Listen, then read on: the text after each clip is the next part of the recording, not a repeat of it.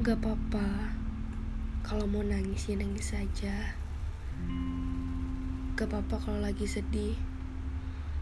Lanjutin aja sedihnya. Gak apa-apa kok Kalau memilih untuk menjadi baik.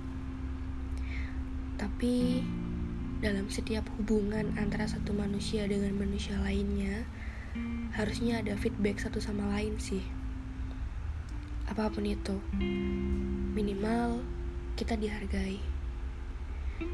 Jangan pernah jalan sendirian. Dan jangan mau berjuang sendirian. Jangan ya. Kalau sendirian namanya bukan hubungan. Ya kita emang gak seharusnya berespektasi lebih pada manusia. Kita juga harusnya sadar kalau kita nggak seharusnya menaruh harapan lebih pada manusia lainnya.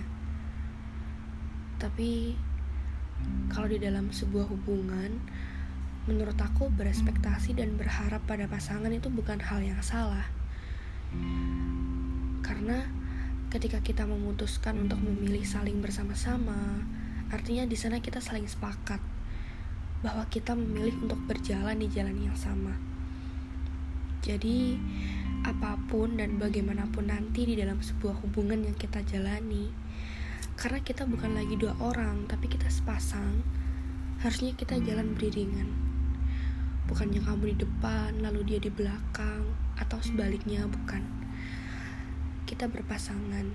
Jadi sudah semestinya kita saling beriringan jadi ketika dalam sebuah hubungan lalu kamu merasa jalan sendirian, berjuang sendirian, ya baiknya kamu berhenti.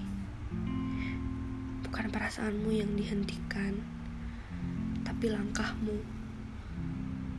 Kalau ngomongin perasaan, sudah pasti gak bisa dipaksain.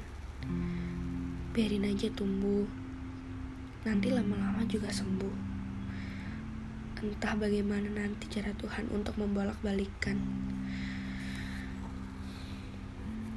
udah ya.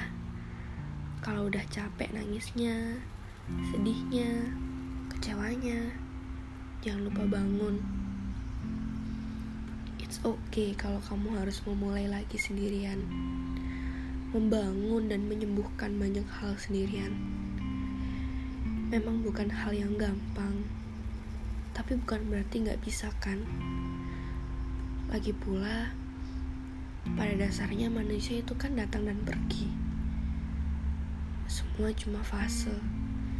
Kadang kita bisa sama-sama, kadang kita juga harus sendirian aja. Jadi, baik itu cuma sendiri atau ada yang menemani, kita harus tetap berjalan.